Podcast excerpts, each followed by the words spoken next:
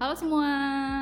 Nah, hari ini aku ditemenin sama temanku uh, namanya Mbak Desi dan kita nih mau ngobrol-ngobrol tentang uh, jadi Mbak Desi nih hari ini uh, datang ke sini ikut ngobrol-ngobrol sama kita mau berbagi tentang kisah dan pengalaman Mbak Desi dalam uh, pengasuhan ya secara spesifiknya sih uh, tentang anak pertamanya dan uh, kiranya apa yang mau Mbak Desi bagiin ke kita hari ini itu bisa bermanfaat buat kita semua.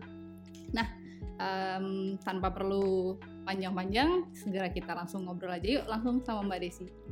Oke, selamat siang Mbak Desi. Iya, kami. Uh, nah, mungkin Mbak Desi boleh ceritain dulu secara uh, singkat kayak profilnya Mbak Desi. Misalnya Mbak Desi itu uh, siapa, mungkin asalnya dari mana, kesibukan sehari-hari. Iya. Uh, nama saya Desi, keseharian adalah ibu rumah tangga, emak-emak berdaster ya. Tahu sendiri kan, emak-emak berdaster tuh kayak gimana di rumah ya. Paling nyaman pakai Iya, ngurusin anak, ngurusin rumah, ngurusin suami, ya biasalah seperti itu. Semen, uh, memutuskan untuk jadi rumah ibu rumah tangga itu pada tahun 2000 uh, 2013 Oh, 2013. Ya, 2013 itu resign, resign karena memilih untuk punya anak ceritanya, hmm. memilih untuk hamil. Nah, akhirnya alhamdulillah nggak lama resign itu aku dikasih hamil. Hmm. Nah, pas hamil anak pertama tuh rasanya seneng banget ya kami kan hmm. uh, berbunga-bunga. Jadi hal yang paling dinantikan seorang perempuan setelah menikah itu kan memang punya keturunan. Jadi pas begitu resign terus dua bulan kemudian hamil udah wah seneng banget bahagia deh pokoknya banget ya. bahagia banget ya udah nggak mikirin kerjaan udah nggak mikirin pengen kerja lagi di mana di mana udah nggak mikirin kayak gitu yang penting fokusnya untuk ke anak gitu oke okay. berarti memang apa udah tujuannya pengen resign emang pengen, pengen anak ternyata Tuhan kabulin juga hmm. ya dan bahagia banget waktu dapet iya. anak pertama alhamdulillah hmm. Nah, secara uh, garis besarnya hari ini yang mau Mbak Desi sharingin ke kita itu tentang apa sih Mbak Des? Yang mau aku sharing itu tentang perjalanan pengasuhan anak pertama. Mm-hmm. Uh, di situ banyak kekeliruan pengasuhan ya yang yang aku alami gitu kami. Jadi uh, waktu pas anak pertama uh, kan namanya juga ibu baru ya ibu baru baru terjun gitu kan nggak ada sekolahnya nggak pernah ikut pelatihan yang macem-macem. Jadi tuh kayak kaget nih gimana sih harus ngurusin anak gitu. Anak bayi bayi nangis tuh aku bawaannya udah stres. Hmm. karena di rumah tuh nggak ada yang nemenin. Kebetulan mamah juga kerja suami juga kerja. Jadi tuh di rumah tuh pure berdua doang jadi nggak ada asisten juga. Di rumah berdua suami kalau pulang kerja itu kita ganti-gantian gitu mandiin bayi. Jadi sih sampai suamiku tuh mandiin bayi waktu pas di awal-awal karena aku nggak berani mandiin hmm. bayi. Karena masih serem kan hmm. itu tali pusarnya masih nempel. Udah gitu aja. Terus menerus sampai makan pun aku catering sama tetangga. Jadi nggak hmm. bisa sama sekali uh, ngurusin bayi itu masih belum ada pengalaman apa-apa. Ini juga ibu baru banget ya. Hmm.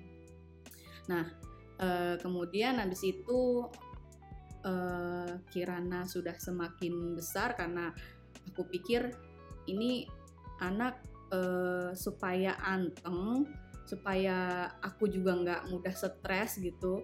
Karena ke kamar mandi pun aku nggak bisa kami kamar mandi nggak bisa. Terus aku nonton TV pun nggak sama sekali uh, main keluar jangan nggak bisa ke mana-mana deh. Pokoknya hidup tuh serasa berubah 180 derajat semenjak punya anak hmm. gitu. Jadi kayak nggak udah nggak inget apa-apa lagi. Temen aja tuh kayak serasa nggak inget temen nggak punya temen gitu. Karena ngerasa lonely gitu. Mungkin hmm. yang itu yang disebut baby blues kan. Kalau di awal-awal ibu bersalin itu tuh makanya perlu banget ditemenin gitu. Di di apa?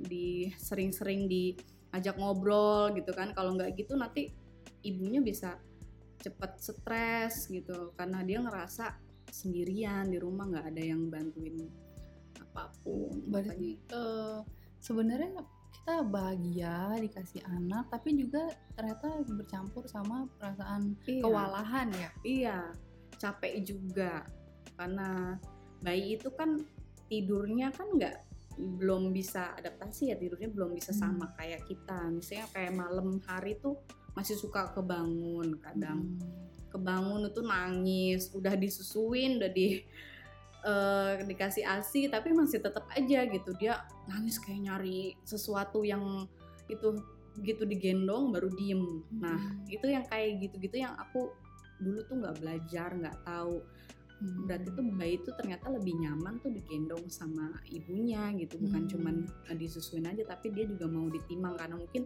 waktu pas di dalam kandungan dia merasa masih kayak diayun kan hmm. kayak digendong gitu Iya, hmm. gitu kami. Oh, berarti uh, tapi uh, syukurnya suaminya Mbak Desi suportif kan ya? Iya, alhamdulillah dong. Kalau nggak gitu ya, mm-hmm. maksudnya bisa tambah ini juga kan kita mm-hmm. jadi ibu juga tambah stres gitu udah nggak mm-hmm. ada yang bantuin tuh suami juga cuek kan. Mm-hmm. Untungnya ya suami mau diajak terlibat hmm. gitu. Itu berarti kacau dong ya jam tidur kacau. Iya jam tidur kacau, udah kayak orang apa ya kami yang nggak inget nggak inget masa-masa um, muda dulu kan kita kalau kalau masih muda tuh inget uh, kumpul bareng teman-teman hmm. gitu kan nonton bioskop apa segala macam pokoknya kegiatan-kegiatan yang biasa dilakukan uh, sebelum nikah sebelum punya anak hmm. itu tuh kerasa banget waktu pas sudah punya anak tuh itu kerasa banget bedanya langsung hilang oh, oh langsung ya. kayak blank hilang gitu aja mm-hmm. jadi udah nggak inget apa-apa lagi jadi udah fokusnya tuh udah ke anak aja. Hmm. gitu nah akhirnya uh, tadi mbak Desi sempat bilang untuk gimana untuk ngatasinnya karena anak ini harus selalu apa ya kan harus selalu fokus ke dia uh, harus selalu ditimang waktu itu gimana mbak Desi? Jadi kan uh, akhirnya aku uh, untuk biar anakku bisa tenang gitu. Karena kan dia maunya digendong aku terus kame nggak mau ditinggal sama sekali ya udah terus aku taruh ceritanya tuh di waktu pas umur berapa ya di bawah setahun masih lucu-lucunya lah enam bulan hmm. kalau nggak salah itu nah aku tinggal lah ceritanya tapi aku kasih uh, waktu itu tontonan kayak kayak di handphone gitu tontonan yang lagu-lagu anak-anak gitu hmm. kan ya udah aku kasih itu dia mau anteng jadi hmm. anteng terus aku juga jadi bisa bebenah beberes gitu masak dan segala macam udah tuh aku pikir uh, udahlah anaknya anteng ini gitu kan nggak apa-apa. Pakai handphone ya? iya pakai handphone. Terus lama-lama keterusan sampai dia umur setahun. Hmm. dia uh, akhirnya dia seneng gitu kan seneng kalau misalnya dikasih handphone dia jadi anteng jadi nggak ada interaksi kan sama aku. Aku juga kalaupun sesekali paling gendong dia gitu ngajak ngajak main gitu sebentar.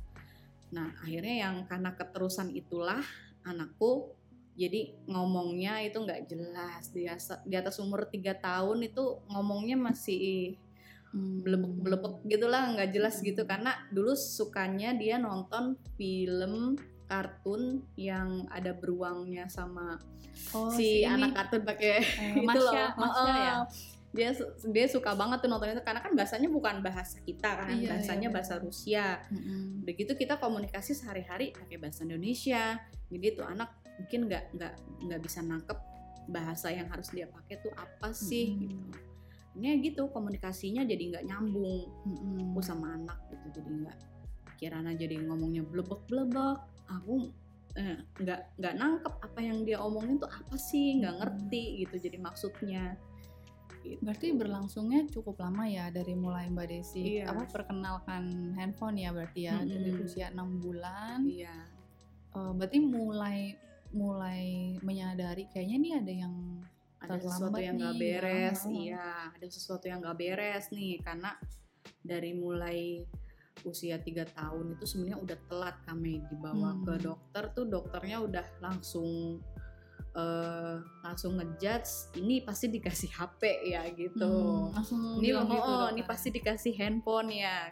Karena sehari-hari memang ibu sehari-hari kerja atau di rumah. Saya di rumah aja. Loh kok bisa di rumah aja tapi nggak nggak ngajak main anaknya hmm. gitu kan. Beda cerita kalau yang kerja mungkin diasuh sama uh, apa asistennya di rumah Hmm. gitu Tapi kan kalau di rumah kan ya kita kan mantengin anak terus harusnya kan kita bisa punya waktu lebih banyak buat Hmm. nemenin anak main gitu. tapi kok ini enggak ya karena alasannya itu pas awal-awal kan eh, alasan klasik banget yang nggak bisa ngapa-ngapain karena di rumah tuh belum punya asisten jadi Hmm. ngurus eh, rumah sendiri, Sendiri. masak sendiri nyuci sendiri semuanya sendiri dikerjain sendiri jadi ya alasannya itu biar anak anteng gitu Hmm. ya udah tapi udah udah telat gitu kan di bawah sebenarnya udah di di di atas tiga tahun tuh hitungannya udah termasuk telat ngomongnya Hmm. jadi memang harus di terapi akhirnya kiranya di terapi Hmm.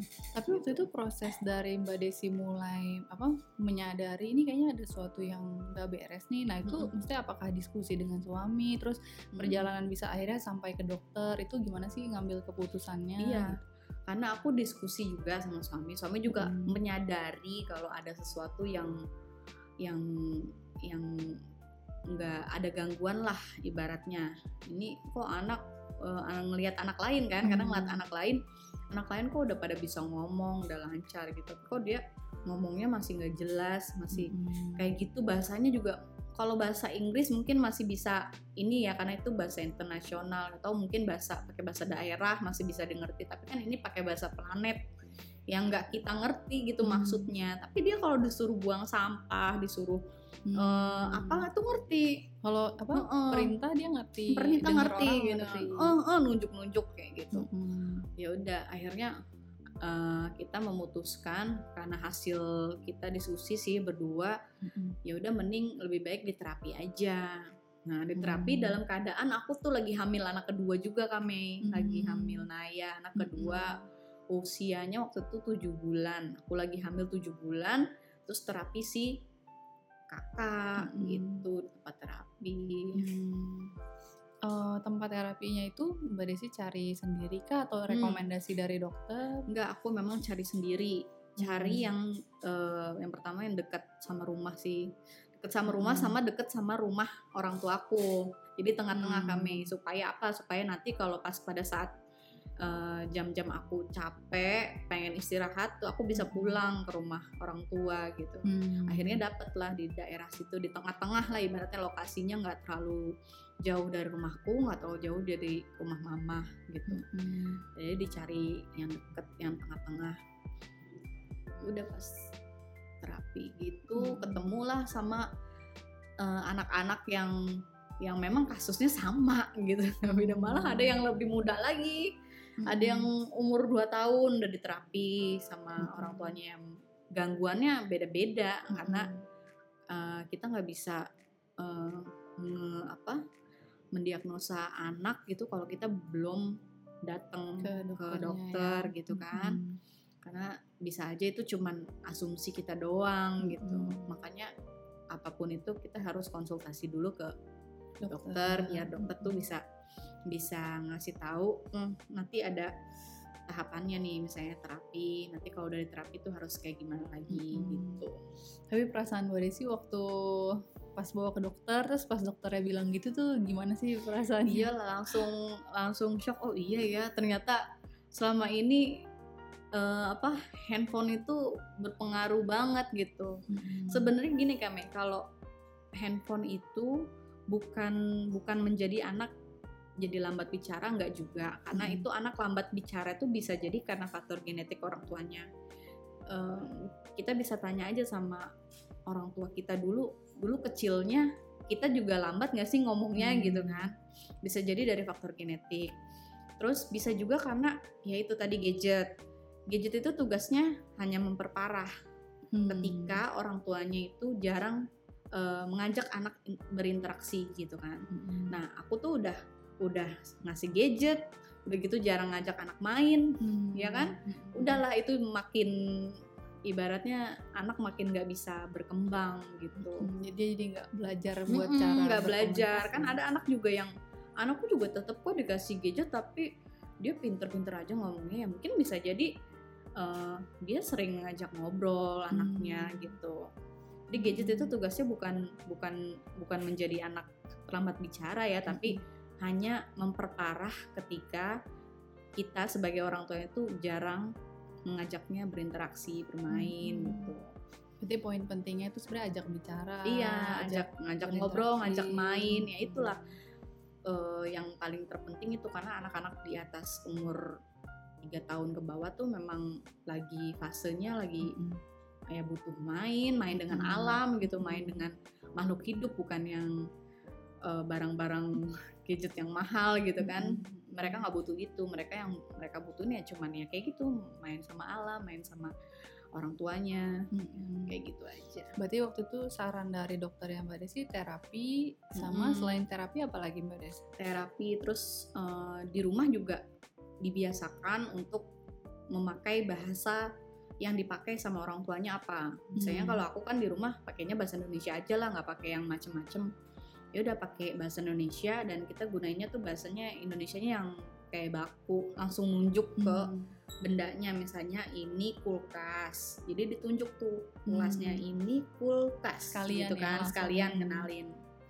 Terus ini daun, daun warnanya hijau, jadi sambil eh, ngasih tahu juga daunnya gitu, Mm-mm. pohon juga gitu. Jadi sesering mungkin diajak main dengan alam. Hmm. Jadi di, dikejar lagi tuh masa-masa eh, sensorinya dia yang hilang dulu. ketinggalan. Oh, ya. yang ketinggalan jadi dikejar lagi. Hmm. Diu- ibaratnya diulang lagi eh, kita ngenalin lagi ke alam, diajak main lagi gitu. Hmm. Ya alhamdulillah sih dari situ semenjak Kirana di terapi nggak Hmm. nyampe eh, tiga bulan itu udah ada kemajuan sih, Hmm. udah ada dia udah bisa mulai ngomong, udah bisa mulai mm, ngucapin kalimat walaupun kalimatnya pendek-pendek tapi dia Hmm. udah mulai bisa gitu. Mm-mm.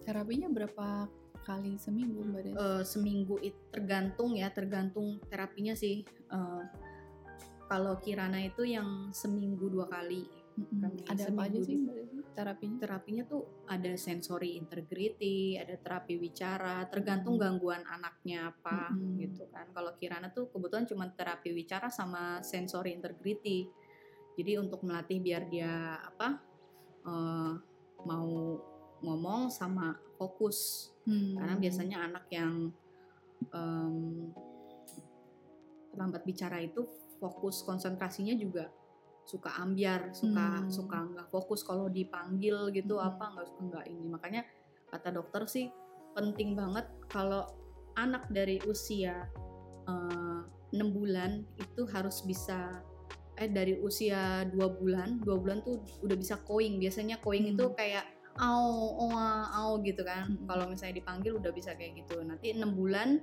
itu dia udah bisa babbling babbling itu bahasa yang bab bab bab bab bab bab bab Hmm. gitu kayak gitu gitu nah itu kalau udah di atas enam bulan dia dipanggil nggak noleh itu berarti ada sesuatu Hmm. nah itu harus segera tuh diperiksa tapi masih bisa ditunggu ketika usianya eh, sekitar kalau nggak salah itu 16 bulan 16 bulan itu masih bisa ditunggu Oh ya. Mm-mm. Jadi kalau dia dia mungkin belum bisa bicara, ya, tapi masih masih masih bisa ditunggu. Bisa jadi dia memang eh, terlambat bicara aja, tapi nggak ada Hmm. gangguan apa-apa Hmm. gitu.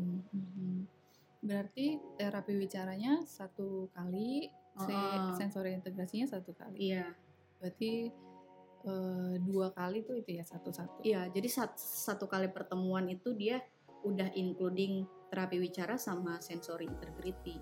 Oh, Gitu. sekali Satu datang kali, langsung oh, dua. satu kali Oh, gitu. Pertemuan udah langsung itu karena dua Mm-mm. jam kan waktunya. Mm-mm. Jadi satu jam mungkin digunain untuk itu fokus ke Mm-mm. terapi bicara, satu jam lagi untuk sensory integrity-nya. Mm-mm. Baru itu udah itu dua kali dalam seminggu. Iya, dua kali dalam seminggu dengan keadaan perut lagi Mengandung ya, mengandung anak kedua, terus udah gitu nyetir sendiri. Hmm.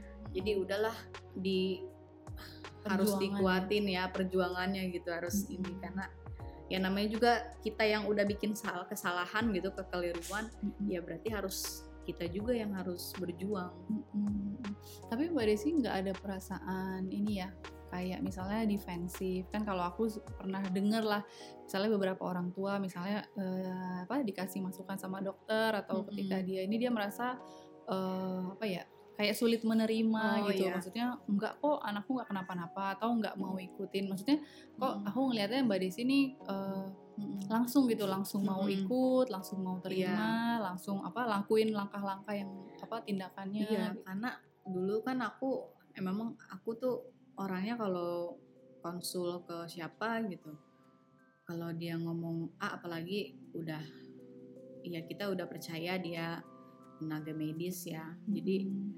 dan kebetulan aku juga ngalamin ngerasa gitu, ngerasa ngerasa anakku kok iya emang bener juga sih kayak gitu gitu. Mungkin karena salah satunya itu pemberian gadget dan kurang diajak interaksi aku juga ngerasain karena waktu pas awal-awal itu bener-bener kayak orang dibikin jadi ibu yang nggak bisa nggak berdaya gitulah kami Mm-mm. jadi kayak ibu yang udahlah pasrah aja memang jadi ibu tuh emang kayak gini ya gitu. Mm. karena mungkin nggak belajar juga jadi nggak banyak belajar tentang perkembangan anak gitu, tumbuh tahap tumbuh kembangnya Mm-mm. jadi ya cepet banget menerima sih gitu. Mm. Nah kalau sekarang ya alhamdulillah semenjak kejadian anak pertama, jadi terus tuh menggali informasi tentang tahap tumbuh kembang anak tuh kayak Mm. gimana, jadi tahu kan. Mm. Oh jadi oh tahap usia segini tuh lagi di masa ini, usia segini lagi di masa ini. Mm. Ini karena belajar jadi tahu. Mm-mm. Berarti nanti anak selanjutnya jangan sampai nih keulang lagi kayak gini gitu kan. Walaupun alhamdulillah adanya nih justru lebih lebih aktif lebih cerewet. Kalau oh ini di umur 2 tahun tuh dia udah ngomongnya tuh udah lancar. Hmm, gitu. Berarti sebenarnya dari pengalaman Mbak Desi, sebenarnya kalau apa seseorang mau apa ya, sebelum menjadi seorang ibu sebenarnya penting banget ya. Kayak iya. ada apa pengetahuan pengetahuan orang minimal kita tahu deh dulu tahap tumbuh kembang anak minimal ya. Mm-mm, kita mm-mm. tahu tahap tumbuh kembang anak. Misalnya 0 sampai 2 tahun tuh lagi di tahap apa sih? Mm-mm. 0 sampai 2 tahun tuh tahapnya tahap sensori. Jadi mereka tuh anak-anak tuh memakai semua panca indera mereka untuk belajar. Mm-mm. kayak kayak mereka masukin sesuatu apa-apa lewat mulut gitu kan. Mereka lagi belajar. Tapi kan kita juga perlu mengawasi sebagai orang tua tugas orang tua yang mengawasi ngeliatin gitu. Kalau yang dimakan ternyata benda atau apa kan kita juga harus nyingkirin. Tapi kalau yang cuman dia gigit-gigitin tangannya gitu kan ya cukup aja dibersihin tangannya gitu, biar nggak banyak kuman. Mm-mm. jadi jangan dikit-dikit ngelarang Larang. anak gitu. Mm-mm. karena mereka lagi proses belajar 0 sampai 2 tahun tuh lagi bener-bener mereka tuh eh, proses pengenalan indranya tuh untuk belajar jadi Hmm. mendengar melihat sampai meraba semuanya mereka makanya dari landasan awalnya kalau udah eh, salah udah nggak disalurkan itu bisa jadi nanti ke atasnya akan sulit juga Mm-mm. jadi lebih baik kita benerin dulu nih di awal jadi jangan sampai di awal itu kita banyak melakukan apa ya kekeliruan yang minimal kita tadi belajar Mm-mm. tahap tumbuh kembang anak dulu deh di masa 0 sampai 2 tahun no gadget dulu kalau Mm. bisa ya Mm-mm. karena zaman sekarang memang agak sulit sih kami Mm-mm. eh, serba digital kan jadi banyak orang tua kayak aku juga ngeliat beberapa temen juga gitu bahkan anak yang sam- ada sampai yang dibelikan handphone Mm. mm, di bawah usia setahun gitu Mm-mm. ya kalau aku sih ngelihatnya agak gimana ya kayak eh kesian gitu maksudnya anak-anak itu kan butuhnya ya udah cuman butuh itu doang sih butuh diajak main gitu Mm-mm. sama orang tuanya diajak Hal-hal yang dasar hal-hal yang dasar basic banget gitu jadi nggak nggak butuh sesuatu yang mahal-mahal sebenarnya Mm-mm. anak-anak itu Eh, jadi kalau ngelihat anak-anak yang misalnya di bawah setahun tuh udah disuguhin itu gadget misalnya di mall gitu tuh kadang kayak jadi prihatinan aku sendiri sih jadi Ini kayak ngerasa pengalaman "Eh, ya. teringat dulu tuh kayaknya dikit-dikit ngasih gitu Mm-mm. ya kalau memang kita pengen me time nanti kok ada saatnya ada waktunya Hmm. gitu jadi bukan bukan waktu pas ngajak anak kita masih-masih pada kecil terus Mm-mm. ditontonin dikasih handphone plug biar dia anteng Mm-mm. ya kalaupun kita pengen banget makan di restoran itu tinggal di take away aja bungkus Hmm. karena kan anak-anak emang fokus konsentrasinya nggak bisa Iya. tahan lama masih gampang bosan masih ya. gampang bosen jadi dia satu menit udah fokus aja udah bagus Mm-mm. kan yang anak-anak masih usianya 0 sampai 2 tahun ya Mm-mm. Ya, memang kalau dikasih gadget ya jadi Iya. anteng jadi diem kita juga jadi bisa nikmatin Iya. makan jadi enak makannya kan jadi nggak kepikiran anaknya lari sana lari sini Mm-mm. ya kalau memang udah tahu anaknya suka lari-larian ya jangan diajak Mm-mm. gitu baiknya gitu Mm-mm. take away aja bungkus makan di rumah Mm-mm. nanti kok ada saatnya kayak sekarang aku ngerasa anakku udah mulai pada besar yang eh, yang gede juga udah mulai tujuh tahun eh, yang kecil empat tahun ini yang gede kalau ke mana-mana juga suka nggak mau diajak kayak Mai Mm-mm. jadi udah udah kayak udah punya dunianya Hmm, sendiri jadi udah- dia udah ayo mau ikut mam nggak nggak ah mau nggak mau ah males di rumah aja udah punya jadi tuh dia udah punya sendiri dunia ya. sendiri dia nggak mau ikut-ikutan orang tuanya nanti ada saatnya kita juga Mm. akan ngerasain kok anak-anak kita juga dia nggak akan mau ganggu eh, kegiatan kita Mm-mm. gitu Mm. Mm-mm. Nah terus kalau balik lagi ke yang terapi tadi Mbak Des, berarti setiap kali terapi itu eh, ini nggak sih terapisnya kasih kayak report hari Iya. ini eh, Kirana melakukan kegiatan apa Iya. gitu ya? itu ada bukunya Hmm. jadi ada buku kayak buku laporannya gitu nih hari ini Kirana udah eh, misalnya ada kemajuan dia bisa ini gitu Mm-mm. bisa bisa fokus lompat dari satu tempat ke tempat yang lain gitu terus Mm-mm. apa basket juga dia bisa Mm-mm. fokus nangkep terus dia eh, ngasih report sih si Hmm. terapisnya gitu. Mm-mm. tapi kita juga nggak boleh mengandalkan 100% sama terapis Mm-mm. gitu karena tugas terapis itu hanya memperbaiki yang mengoptimalkan tuh tetap kita di rumah tetap di rumah ya. Heeh.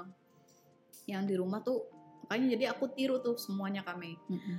Aku samain persis kayak di tempat terapi dari mulai mainannya mainan-mainan tuh aku susun jadi eh, aku kategoriin ya misalnya kayak puzzle puzzle puzzle itu kan kalau di se- terapi sensory integrity itu itu tuh kayak nyusun-nyusun puzzle itu Hmm. udah termasuk tuh jadi aku beli tuh puzzle puzzle terus aku eh, susun nih raknya khusus puzzle yang ini terus Mm-mm. lego gitu kan balok jadi semuanya tuh.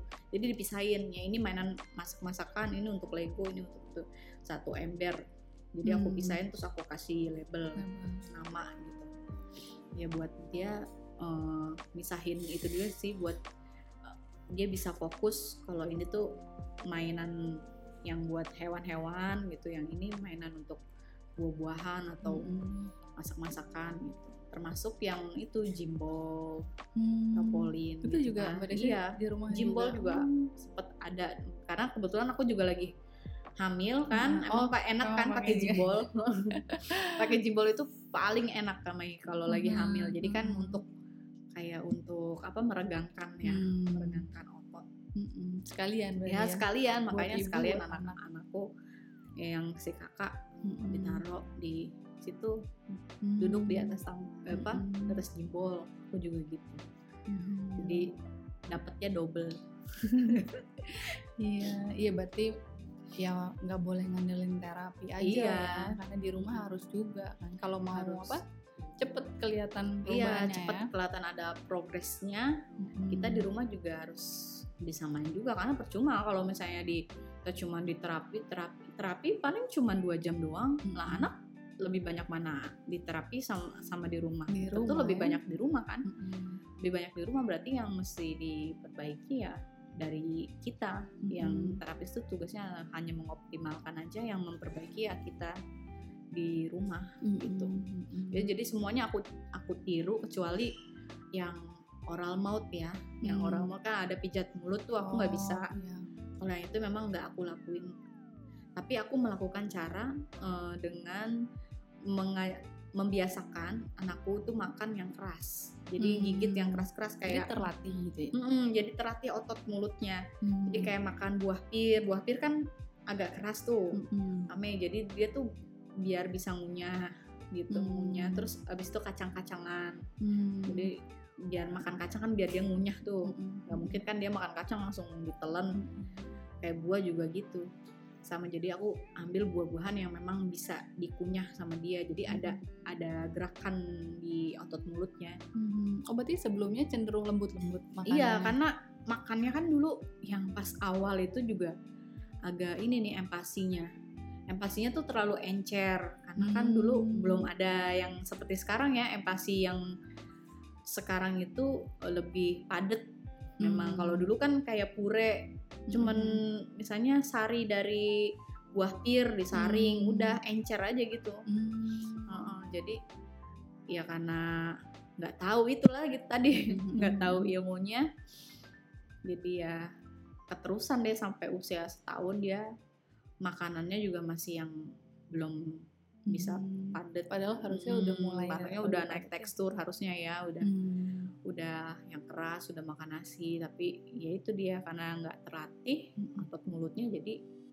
dia sulit buat bicara Berarti mulai terapi itu waktu kiraan umur berapa? Berarti tiga tahun. tiga tahun Tiga tahun. itu juga tiga tahun udah termasuk telat sih Mm-mm. harusnya dibawa di bawah umur itu tapi untungnya sih aku kejar terus Mhm. aku kejar terus di rumah juga aku samain kayak di terapi sampai akhirnya aku memutuskan sama suami gimana kalau kita sekolahin aja deh gitu Hmm. sekolahin untungnya pas di usia tiga setengah tahun itu mulai di eh, sekolahin Hmm. playgroup Hmm. jadi nah tapi ternyata uh, ya agak terbantu juga karena uh, terapisnya bilang nanti sering-sering uh, ketemu sama temennya yang cerewet ya bu Oh. jadi nanti dia agak ada pancing buat ikut ngobrol gitu Hmm. sebenarnya aku fokusnya ke situ ada jadi bukan ya. uh, jadi bukan bukan bukan fokus untuk nyari sekolah yang mengutamakan calistung dan lain Mm-mm. sebagainya Mm-mm. makanya aku cari sekolahan yang dia berbas berbasisnya itu uh, untuk membentuk karakter anak Mhm. jadi nggak nggak nggak fokus ke hitung-hitungan nggak fokus ke baca nah Mhm. alhamdulillahnya di daerah tempat tinggalku tuh cuman ada satu itu sekolah Hmm, aja hmm. memang biayanya agak lumayan dan jam waktunya juga lebih panjang kami yang biasanya uh, kalau PG gitu kan uh, pulangnya paling juga dua jam Iya. tiga jam ya ini tuh sampai jam 11 Oh, gitu. Mm-mm, dari pagi jam 8 nah kalau TK-nya lebih lama lagi TK-nya itu sekitar setengah satu baru pulang jadi udah kayak anak SD Mhm. Tapi SD programnya beneran. bukan akademik Oh, gitu programnya ya. bukan akademik jadi programnya Hmm. mereka ya untuk fokus di itu aja sentra-sentra jadi anak fokus ke sentra ibadah main Hmm. dengan alam gitu Mhm. ya seperti itu jadi memang aku cari yang modelnya begitu supaya anakku ini aja sih Mhm. ada ada ada apa interaksi sama teman-temannya Mhm. gitu yang sebaya gitu kan yang ya, sebaya jadinya. jadi karena kebetulan waktu pas di eh, perumahanku tuh belum ada anak yang seumuran dia Oh, jadi teman rata-rata ya. rata-rata udah pada besar semua Mhm. jadi dia kayak ngerasa nggak punya temen yang Iya. sebayanya ya udah akhirnya dibawalah kita memutuskan untuk sekolahin aja lah Mhm. anaknya juga kayaknya happy happy aja Mhm. ya tapi kadang ya ada sering nggak masuknya juga sih seminggu paling berapa kali masuk Iya. terus gitu sering telat datangnya Mhm. ya karena aku nggak fokus ke mana-mana cuma Iya fokus sih ya. cuman itu doang Mhm. gitu Berarti waktu Kiran mulai masuk sekolah perkembangannya udah mulai ini dong ya udah kan? mulai lumayan sih Mhm. ada ada kemajuan doang dan aku Mhm. bilang sama gurunya bu maaf ya nah ini Kirana eh, ngomongnya agak terlambat kurang jelas aku kasih tahu gurunya Mhm, gitu tapi gurunya juga mengerti sih bilangnya ya nggak apa-apa bun nanti juga lama-lama bisa kok gitu Mm-mm. bisa terbantu gitu kalau sama teman-teman yang lain kan mungkin dia seneng ya diajak main ini ini ya alhamdulillah sih jadi ada banyak kata yang keluar terus kita Mm-mm. juga jadi seneng gitu waktu pas apalagi pas begitu adanya lahir kan Hmm. dia udah sebut mama dede dede Hmm. nangis gitu jadi Mhm. udah udah ada perasaan udahlah lega Mm-mm. akhirnya gitu kan Mhm. hmm, gitu Eh, berarti eh, kalau misalnya Mbak Desi inget-inget mulai kiraan umur berapa sih kayak wah ini perkembangannya udah bisa ngejar ke usia yang sesungguhnya uh, maksudnya jadi Kirana udah bisa Nah, jadi yang tahapan-tahapan perkembangan yang tadinya hmm. sempat apa sempat ketinggalan, ketinggalan, akhirnya dia setelah dia terapi di rumah hmm. juga Mbak Desi lakuin banyak tindakan, terus hmm. udah masuk sekolah juga. Nah pada umur berapa sih udah mulai uh, semua tahapan perkembangannya itu udah tercapai gitu? Yang tadinya uh, jadi waktu sebelum masuk SD, sebelum hmm. masuk SD dia usia tujuh eh, enam tahun, itu 5 sampai enam tahun lah. Hmm. Itu dia udah bisa ngikutin tuh udah hmm. bisa ngikutin teman-temannya udah bisa fokus juga hmm. kalau diminta tolong apa dia udah bisa udah bisa udah ngerti gitu hmm. jadi waktu pas pada saat uh, masuk SD pun umur 7 tahun uh, dia udah bisa tuh uh, udah bisa memahami jadi kayak belajar baca tulis sudah udah bisa ngerti hmm. gitu tapi itu juga nggak aku lesin sih nggak aku hmm. lesin calistung hmm. karena rata-rata yang dari sekolah itu sama orang tuanya dilesin lagi hmm. karena uh, sekolah SD kakak yang sekarang itu kan bilingual kami hmm. jadi gunain dua bahasa jadi takutnya orang tua itu eh, nggak uh, bisa gunain dua bahasa itu jadi anaknya apalagi dari dari background sekolah yang memang bukan difokuskan ke calistung hmm jadi lebih baik dikursusin lagi kalau Kirana nggak aku kursusin tapi aku beliin buku bacaan supaya dia bisa baca hmm. uh, bisa baca bisa tulis ya alhamdulillah sih di rumah aku berjuang lagi buat hmm. ngajarin dia hmm. ngajarin baca tulis dia bagi tugas lah sama abinya bagi tugas hmm. nih nanti kakak sehari belajar baca ini gitu nanti nulisnya begini gitu jadi pelan-pelan hmm. berproses ya alhamdulillah sih sekarang anaknya udah bisa ngikutin hmm. sekolah juga nggak ada kendala apa-apa malah hmm. alhamdulillahnya gurunya bilang Kirana anak yang aktif hmm. gitu di sekolah suka tanya hmm. gitu kan suka nanya apa aja ditanyain sama gurunya hmm. ya alhamdulillah berarti proses perkembangannya sekarang udah sama nih kayak anak-anak hmm. yang lain jadi udah nggak ada ketertinggalan lagi tapi seneng banget lah ya maksudnya semua usaha iya, dan perjuangan yang dilakukan seneng itu banget kami karena aku ngerasain dari awal banget dari awal aku ngusahain dia biar bisa ngomong terus aku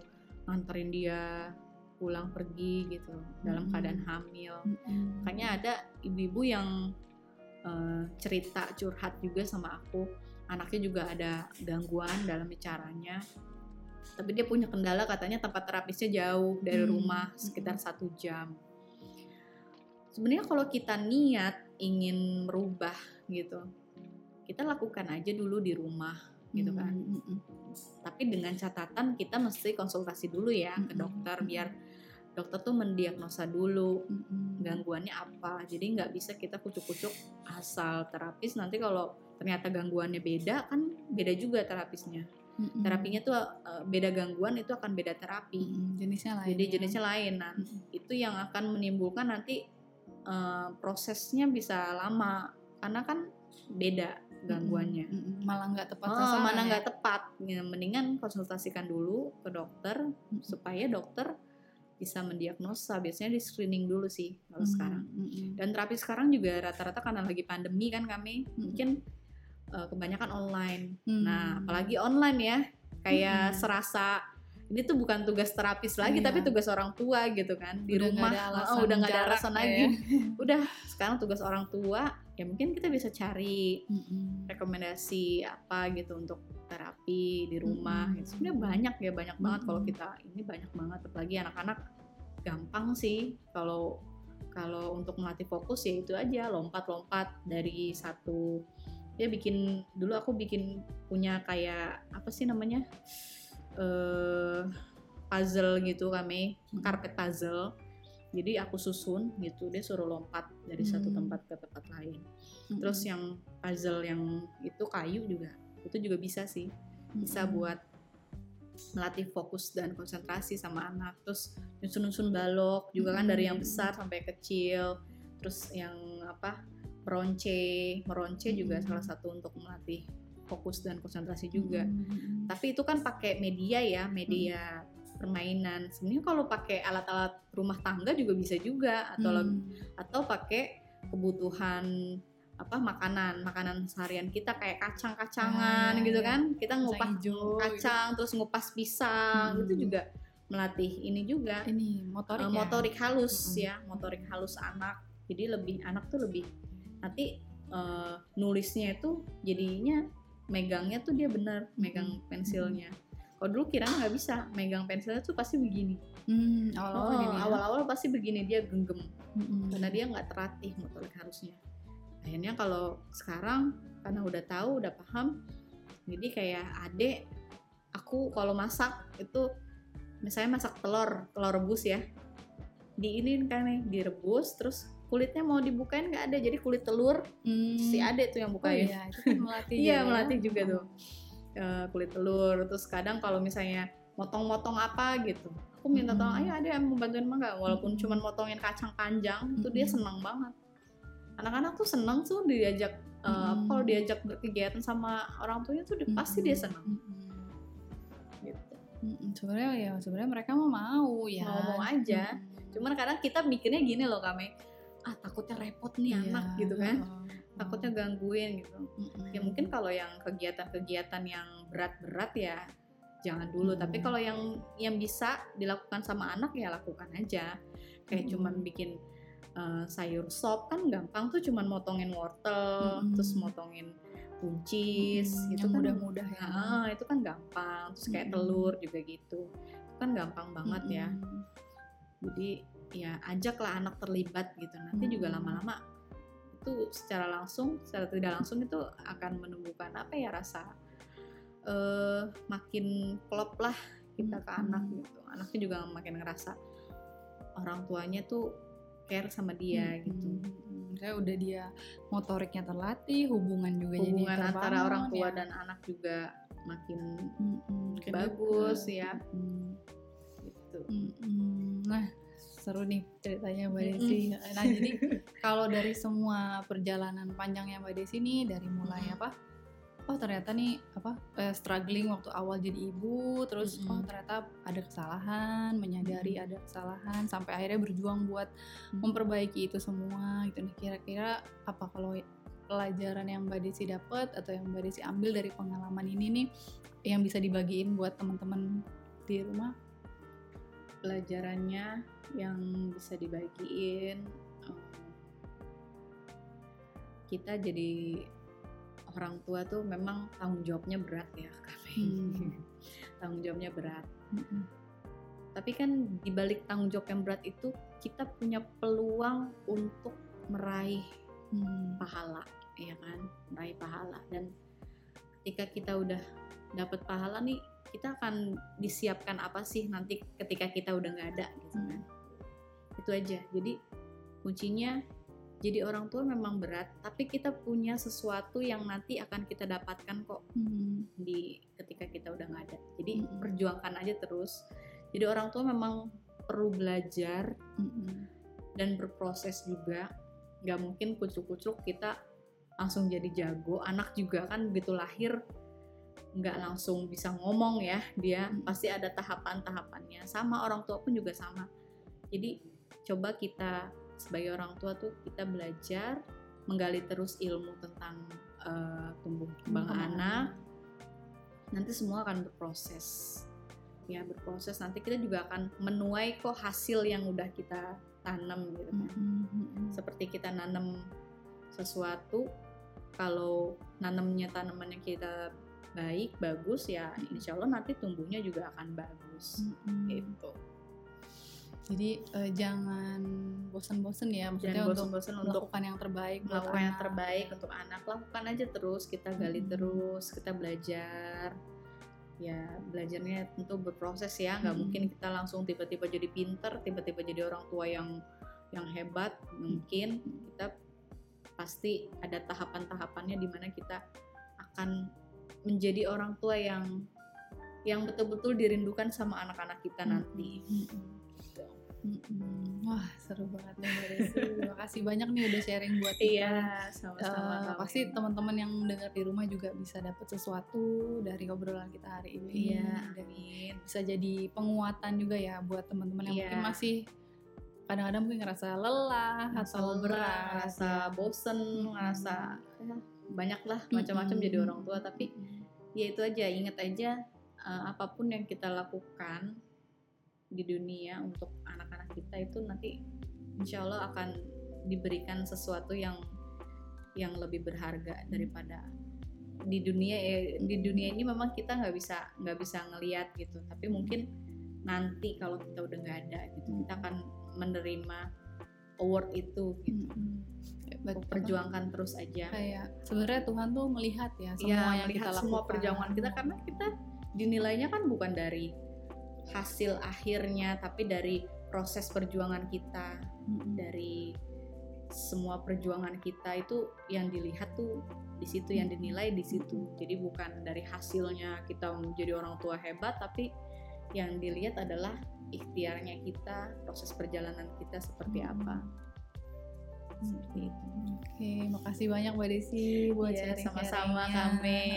Mudah-mudahan ke depannya terus apa ya jadi uh, apa ya bisa kita semua tetap bisa belajar terus yeah. dari Mbak Desi juga. Mungkin mudah-mudahan suatu saat nanti bisa cerita lagi nih tentang yeah, hal lain lagi nih amin. dari pengalaman-pengalamannya. Iya, okay, pokoknya okay. Hmm, ya doaku Mbak Desi makin apa bahagia terus bersama Amin. kedua anak dan suami kami juga. Ya, uh, semua apa hal yang terbaik yang udah dilakuin buat anak dan suami pasti akan ada pahalanya dari Tuhan. Amin, amin, amin. Ya, uh, demikian cerita-cerita kita hari ini sama Mbak Desi. Kita udah dengar banyak banget pengalamannya, kisahnya, pelajaran yang udah di-sharingin sama Mbak Desi buat kita. Uh, kiranya bisa bermanfaat buat kita semua, buat teman-teman, para ibu yang ada di rumah. Jangan pernah uh, berhenti melakukan yang terbaik buat anak-anak kita, karena uh, memang itulah yang anak-anak kita butuhkan. Mereka sangat membutuhkan perjuangan kita sebagai seorang ibu, dan uh, mereka pasti akan bisa merasakan kasih sayang kita ya yang begitu besar sama mereka dan Tuhan pasti akan uh, memperhitungkan semua perjuangan kita, hal yang terbaik yang sudah kita lakukan buat anak-anak kita. Oke, okay, uh, sampai di sini sharing-sharing kita. Sampai ketemu lagi di sharing berikutnya. See you.